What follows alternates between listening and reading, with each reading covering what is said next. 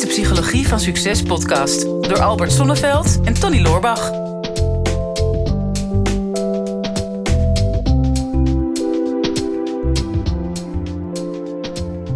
Albert, ik heb vandaag een vraag van, eh, van eigen bodem. Ja. Ik heb hier net even een rondje gemaakt eh, bij alle teamleden hier op kantoor. Of tenminste, eigenlijk maar twee. Want de anderen waren allemaal druk aan het werk. Oh, Met- ik dacht dat de rest al naar huis was, maar dat is niet zo. Nee, ik zei, eh, ik eh, dacht ik ga eens even vragen of er hier eh, nog teamleden zijn die vragen voor ons hebben. En met name voor jou, want mij zien ze natuurlijk elke keer, Ja. elke dag. En ik zeg al eigenlijk altijd hetzelfde en ik vertel altijd dezelfde verhalen. Dus dat weten ze inmiddels allemaal wel. Dus Maar- nu zijn ze verplicht om naar de podcast te luisteren, begrijp ik wel. Ja, maar ik sprak onze, onze Jelle. Ja. En, en Jelle die ehm, zei van... Hij zei waar ik nog wel eens moeite mee heb... is als ik eh, bijvoorbeeld iets, eh, iets lees wat ik inspirerend vind. Dus bijvoorbeeld een boek over persoonlijke ontwikkeling... Of, of wat dan ook. Of ik zie iets, bijvoorbeeld een documentaire of een film... of wat dan ook. Ik haal ergens inspiratie uit. Dan ben ik helemaal energiek, hè, Ja. geïnspireerd... om iets aan mijn leven te gaan veranderen. Hè, of om te gaan groeien. Maar dan vervolgens eh, ga ik gewoon weer aan de slag met wat ik altijd al deed. En dan zijpelt die inspiratie op een gegeven moment een beetje weg. En Ja. dan doe ik gewoon wat ik altijd al deed. Dus hoe zet je nou zeg maar die inspiratie om echt iets te veranderen in je leven? Hoe zet je die nou om in de implementatie? Ja. ja, je wou bijna zeggen de transpiratie. Ja, ja, nee, ja. Ik zag jou, Ja. ik zag jou al lachen. Ja, Ja, ja, ik, had, ik had vroeger altijd een slogan in mijn tra- een training en zei ik: informatie zonder implementatie leidt tot frustratie. Ja, En frustratie is dodend voor de motivatie. ja. Hè, waardoor je weer in hetzelfde cirkeltje terechtkomt. Ja, maar dit is zo, zo bekend voor de luisteraars. Dat weet ik zeker. Weet je, want nou ja, of je nou bij een seminar bent geweest van Anthony Robbins. of je hebt een training gehad van je bedrijf. en je hebt weer twee dagen op de hei gezeten. en je komt helemaal pumped up. Kom je, kom je van die hei af of uit die, uit die seminarzaal gelopen. Je bent gewoon super mega enthousiast. en denkt: oké, vanaf nu is bent- mijn leven definitief veranderd. Ja, je bent geheid geïnspireerd, zeg maar. Je bent- je staat als een eipaal. Je kunt er niet meer omheen. Nee, precies. En dan, ja man, en dan komt het hè. Ergens diep van binnen is er al zo'n stemmetje. Ja, ja, maar dit heb ik al vaker meegemaakt. Ja, Hè, eh, eh, stel dat dat ergens eh, voor het weekend of in het weekend gebeurt. En dan kom je maandag op je werk en denk ja, maar nu gaan we weer normaal doen. Mhm. Dit kennen we allemaal. En dat is super frustrerend. En, Ja. en hoe komt dat nu? Nou, laten we eerst eens even teruggaan naar eh, de anatomie van het brein. ja. Leg dit de- er nou eens even uit. Ja. Ja, ik kan jou niet als voorbeeld nemen. Nee, precies. We Nou hebben ja. iemand nodig met een brein. Ja. Oh, ik dacht, als je mijn brein gaat ontleden, dan eh, ben je nog een paar weken bezig, denk ik. Maar laten we nou zeg maar een algemeen brein nemen. Ja. Eh, tenminste, wat de neuropsychologen zeggen, is dat als je zo rond de 35 jaar bent, dan ligt 95% van je gedrag ligt vast. Nou, goed, ik heb nog drie jaar dan. Ja, dan, eh, ja, ik weet ook niet wanneer mensen deze podcast gaan afluisteren, maar Nou, we hebben heel veel op voorraad. we hebben veel op Het zou voorraad. kunnen dat het pas over drie jaar is. Ja, Ja. ja. maar goed. Ehm, dus dit is al een eerste schokkend iets. Denk van, nou ja, wa- wat, wat maakt nu? Heb jij enig idee waarom onze schepper bedacht heeft dat zo rond je 35ste 95% van je, van je brein, hè, de, de, de neurologische paden die lopen, dat die vast liggen? Oeh, dat is wel een beetje een gewetensvraag. Maar ik kan me heel goed voorstellen, als ik terugkijk hoe oud de gemiddelde mens honderdduizenden jaren geleden werd. Ja. Dat je op je 35ste toch wel op een leeftijd bent gekomen dat je moet zorgen voor een nageslacht. Ja, En dat je eigen leven consistent moet zijn. ja. En dat je daardoor niet meer hele rare fratsen uit moet halen. Nee, nee. In feite. Is, het- is dat goed? ja, Want dat ik raad, goed. Ik Ja. raad me wat. Ja, nee, Oh. maar zeker. Het gaat, kijk, je, als levend wezen heb je maar één eh, belangrijke taak. Dat is instandhouding van de soort. Ja, daar ben ik ook en steek ook erg veel uren in. Ja. Nou ja, Ja, we en, en, nog, en hè? jij niet alleen, maar ook jouw ouders en jouw voorouders en de ouders daarvoor. Die hebben allemaal op hun manier, eh, in ieder geval waren ze in staat om te overleven. Mhm. Wat eh, een aantal honderden jaren geleden nog niet eens zo heel erg vanzelfsprekend was. Want mensen werden niet veel ouder dan 50 jaar. Nee. Eh, het, dus het zat erop. Hè? Dus we hebben nu de- door de technologie en onze leefwijze en onze hygiëne en alles wat daarbij hoort en onze gezondheidszorg, zijn we nu in staat om twee keer zo lang te leven dan de meeste mensen daarvoor. Hm. Dan hadden we ook nog een hoge kindersterfte natuurlijk. Ja. Maar ja, biologisch, fysiologisch gezien zat het er rond je 40 op. Maar de reden dat, dat uh, in feite dat neurologische pad klaar is rond je 35ste, wil eigenlijk zeggen dat de natuur doet niet aan energieverspilling. Mhm. Dus iedere verandering, en dit is al een belangrijke richting Jelle, maar naar iedereen die luistert, is op het moment dat je wil veranderen, ja, kost dat energie. En de natuur verspilt nu eenmaal geen energie. En de enige die energie verspillen zijn wij. Hm. Eh, er is geen één leeuw die in Afrika ergens onder een boom ligt en denkt: Nou, weet je wat, ik heb wat weinig uh, lichaamsbeweging gehad, laat ik eens 10 kilometer gaan joggen.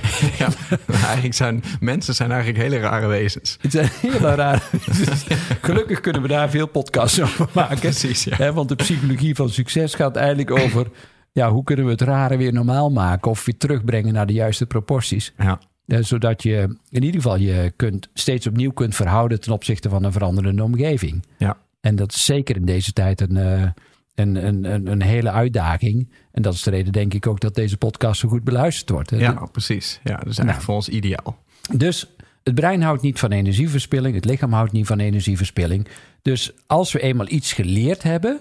Uh, en denk maar even terug aan je kindertijd. Als je bijvoorbeeld uh, je moest leren om je veters te strikken.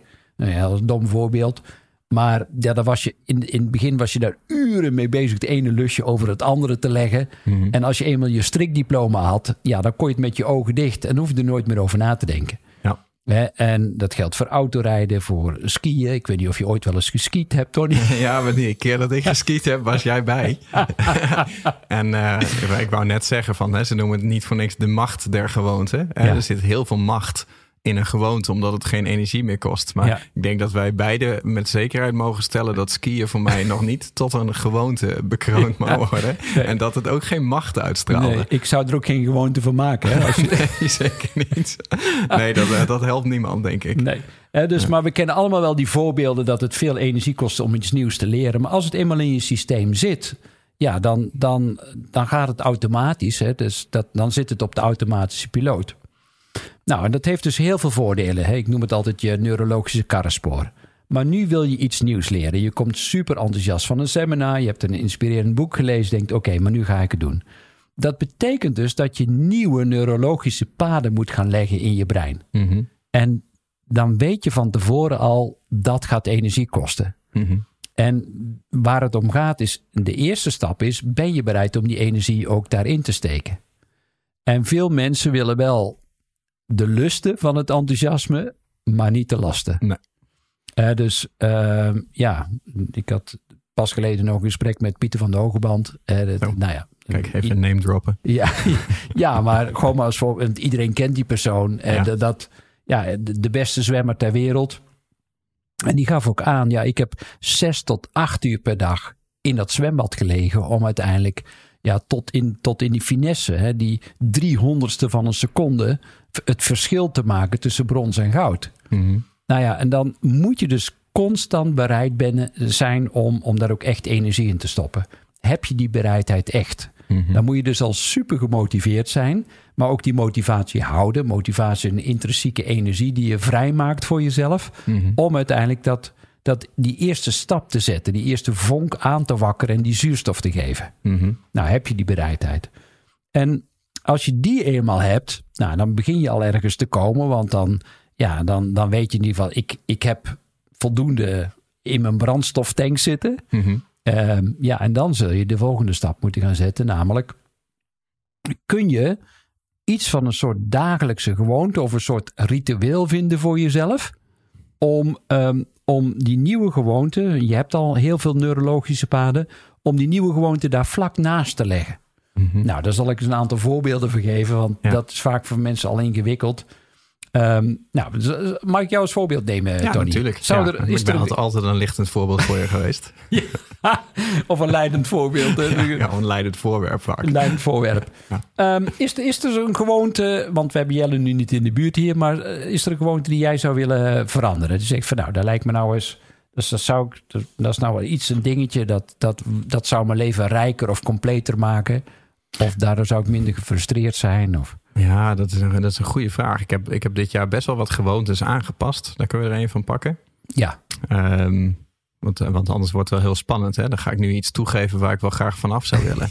En dan ga jij me dat uitleggen. Nou, laten we dat doen. Laten we dat spannend maken. Weet je, ik heb bijvoorbeeld de gewoonte dat ik weinig groentes eet. Ja. Of dat is niet per se een gewoonte, maar ik ben gewoon niet zo groente. Ik ben een beetje een moeilijke eter. Hè? Dat is Ja. mijn minst leuke eigenschap. Ja. Dus dat is ook het minst leuk om te vertellen nu. Ja. Maar hè, stel dat ik daar verandering in aan zou willen brengen. Ja, stel. Nou, dan het, het eerste wat, wat dan nodig is, dat heb je nu begrepen, is: ben je, heb je ook het verlangen, heb je ook voldoende energie en ben je ook mega gemotiveerd Mhm. om, dat te gaan, om dat te gaan eten? Nou, ehm, ja, ik wou dat je nu het gezicht van Tony kon zien als luisteraar.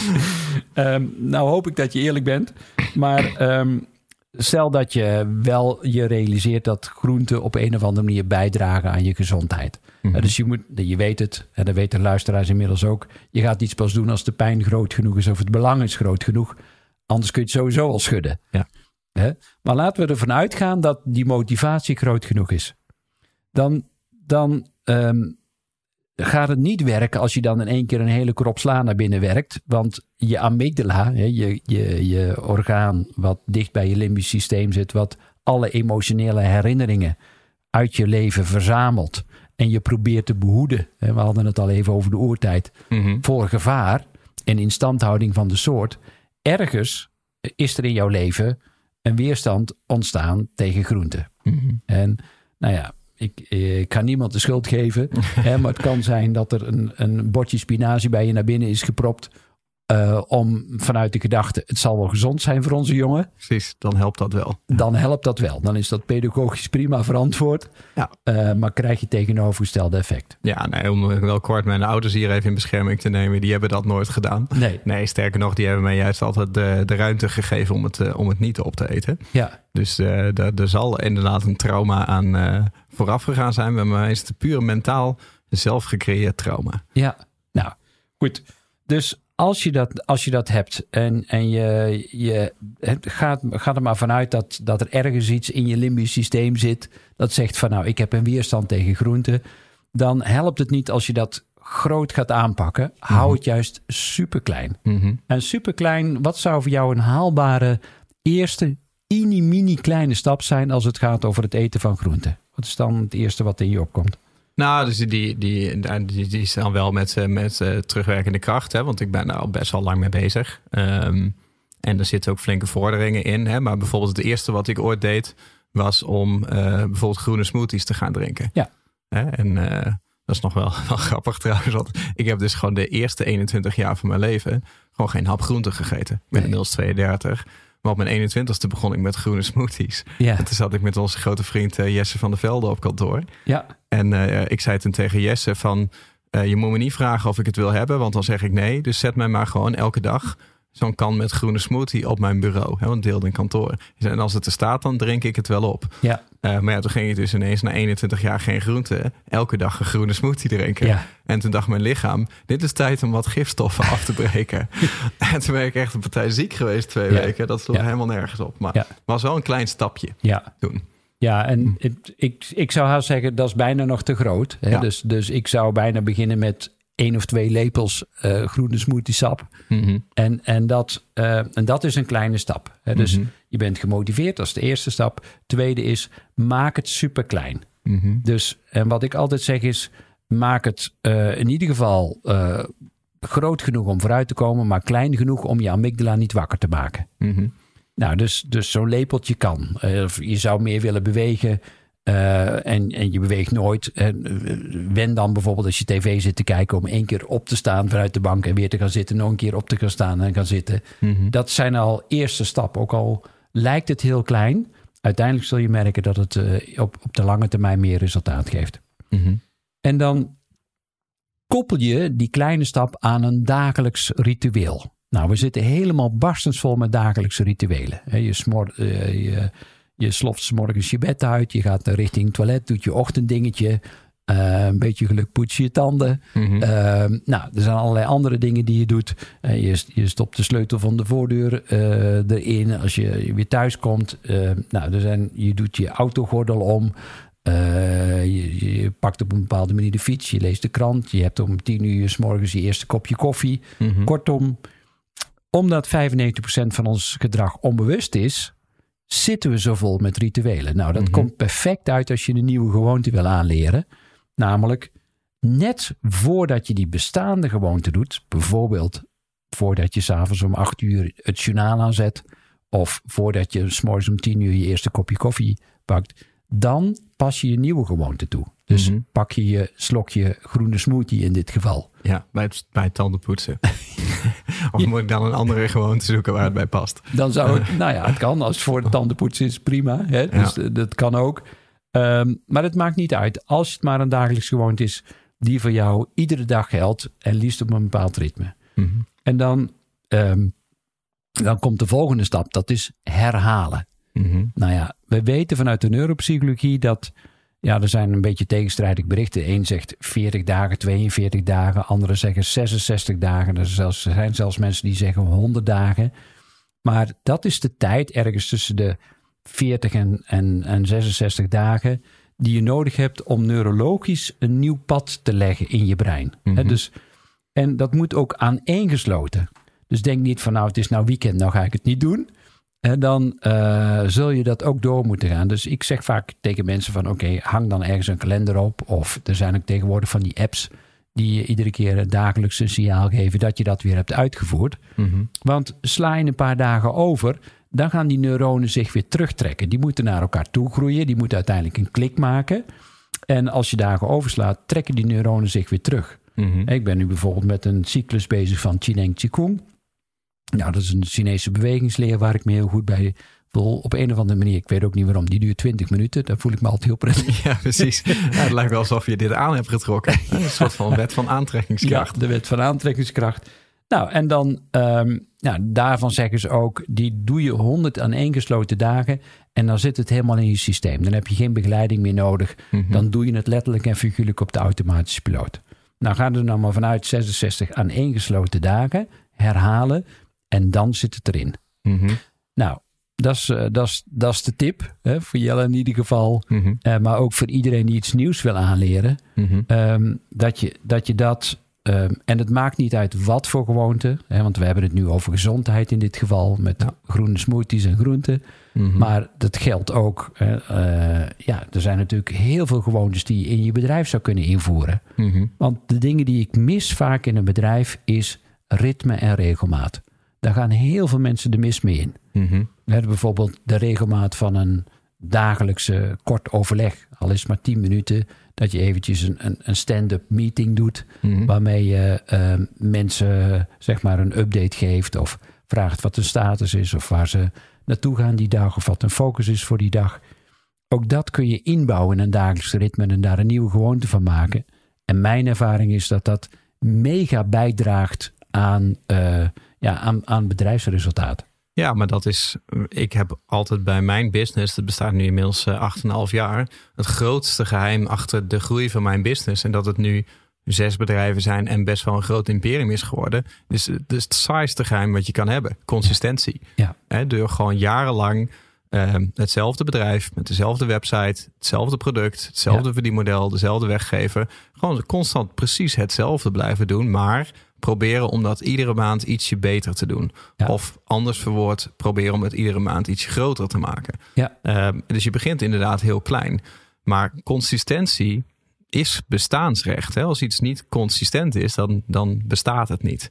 Dan behoort het tot het verleden. Dus dan heb je het maar één keer gedaan. En dat is met goede gewoontes denk ik altijd wel. Dat natuurlijk, ehm, we maken het vaak veel te groot. Hè? Dat zijn ook alle goede voornemens. Nou, ik Ja. sport eigenlijk nooit. Mijn goede voornemen met de jaarwisseling is dat ik nu vijf dagen in de week ga sporten. Ja. Ja, dat, dat haal je nooit. Dat is veel te groot. Met vlekken in je nek op de cross trainer, helemaal gefrustreerd. En dan een abonnement van drie maanden. En als goed, als rechtgeaarde Nederlander, maak je dat dan af. Maar daarna ga je zo snel mogelijk weg natuurlijk. Ja, en dan moet het op wilskracht. En, en, en dat, is, dat is te moeilijk om dat vol te houden en daar een gewoonte van te maken. Omdat wat ik vaak gemerkt heb, is dat de associatie met wat het jou brengt verkeerd is. Dus stel dat jij nooit sport.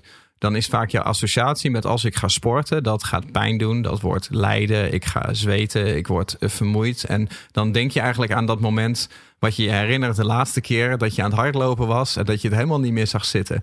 Dat gevoel is daarmee geassocieerd. En dan zie je er tegenop om te gaan sporten. Terwijl er is natuurlijk ook vaak een moment na het sporten dat jij ultiem gelukkig bent. Hè? Ja. De, de, de, de hormonen gieren door je systeem.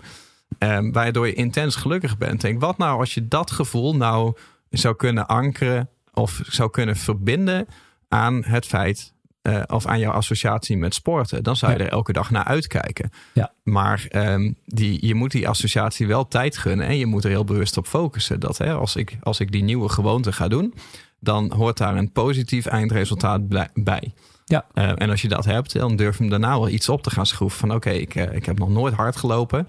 Maar dan heb ik, gisteren heb ik eh, 500 meter hard gelopen. En daarna was ik heel trots op mezelf. En eigenlijk moet je dat moment dan even extra hard vieren. Ja. Eh, en dan weet je van als ik al mezelf zo'n eh gunmoment heb gegeven. Het zo hard heb gevierd als ik 500 meter heb gerend. Wat gebeurt er dan wel niet volgende week als ik 750 meter ga rennen? En dan kan je een gewoonte wel snel opbouwen. En dan hou je het ook leuk voor jezelf. Nou ja, hetzelfde geldt voor bedrijf. Hè? Dus, en dat is vaak wat ik zie, is het ontbreken van, eh, van ritme in een bedrijf. En ook veel te weinig de successen vieren. Hè, want één, en dat is de, dat is de laatste in, in deze cyclus van stapjes die je nodig hebt om, eh, om een nieuwe gewoonte te krijgen, is je lijf vraagt ook om positieve neurotransmitters. Dus endorfine, dopamine, oxytocine. En dat krijg je alleen maar als je het ook fysiek viert. Dat je ook echt je lijf voelt van wow, dit is, geeft een goed gevoel. En dat creëert een verslaving. Dus je moet in feite een nieuwe verslaving voor jezelf creëren van die nieuwe gewoonte, waardoor het ook aantrekkelijk blijft om door te blijven gaan met die gewoonte. Ja. Nou, en heb je nog eentje die ik eraan toe wil voegen. Want dit is, hè, zoals je nu prachtig beschreven hebt, is het helemaal vanuit jezelf. Met kleine gewoontes, klein beginnen, jezelf aanleren, jezelf ertoe zetten. Alleen je zult zien dat er bepaalde gewoontes in je leven zijn die, bui- die, eh, waar je eigen wilskracht je in de weg zit. Hoe, hoe klein je het misschien ook aanpakt. En iets wat mij vaak goed hielp, was om het dan buiten mezelf te leggen. Ja. Dus bijvoorbeeld met sporten. Ik merk dat ehm, eh, toen ik begon met een personal trainer, toen ging ik drie keer in de week, of in het begin zelfs vier keer in de week, had ik een afspraak met hem. En dan sport ik dus vier keer in de week echt hard. Ehm, en dat stond als allereerste in mijn agenda. En als het bij mij in mijn agenda staat en ik heb een afspraak niet met mezelf, maar met iemand anders, dan ga ik. Ja. Ehm, en als je dat maar lang genoeg doet, dan, dan wordt het een gewoonte. Maar ik weet van mezelf, hè, als ik dan met Michael had afgesproken, de trainer, bijvoorbeeld op dinsdagochtend om 10 uur. En het was 20 voor 10 en ik wilde net op de fiets stappen. En ik had de hele dag niks te doen. Ik had alleen maar die training staan. En hij appte mij van, hey, zou jij misschien een kwartiertje later kunnen?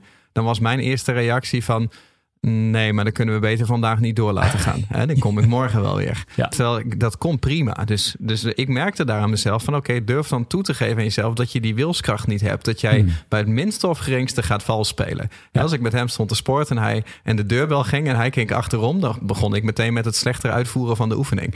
Ik ben gewoon een valsspeler, meteen. Dus, dus durf dat dan bij jezelf te accepteren en te kijken van, oké, als je iets echt graag wil, maar je durft te accepteren dat het je in je eentje waarschijnlijk niet gaat lukken, betrek er dan iemand anders bij. Ja. Hè, die, eh, waardoor je de wilskracht buiten jezelf legt. Dat je een stukje sociale controle voor jezelf inbouwt. En dat je jezelf de garantie geeft. Al is het alleen maar van ik wil meer gaan lezen. Spreek bijvoorbeeld met je partner af van zullen we afspreken om elke avond allebei een kwartier te lezen op hetzelfde moment. Of tien minuten. Hè, om het Ja. super klein, super simpel te houden. En als die andere het dan gaat doen, ja, dan, ja, dan moet jij ook. Eh, en als je dat maar lang genoeg doet, dan is het op een gegeven moment een mooie gewoonte. Nou, wij zijn de vrienden van de podcast en wij denken en helpen met je mee om je nieuwe gewoonte tot een succes te maken. Ja.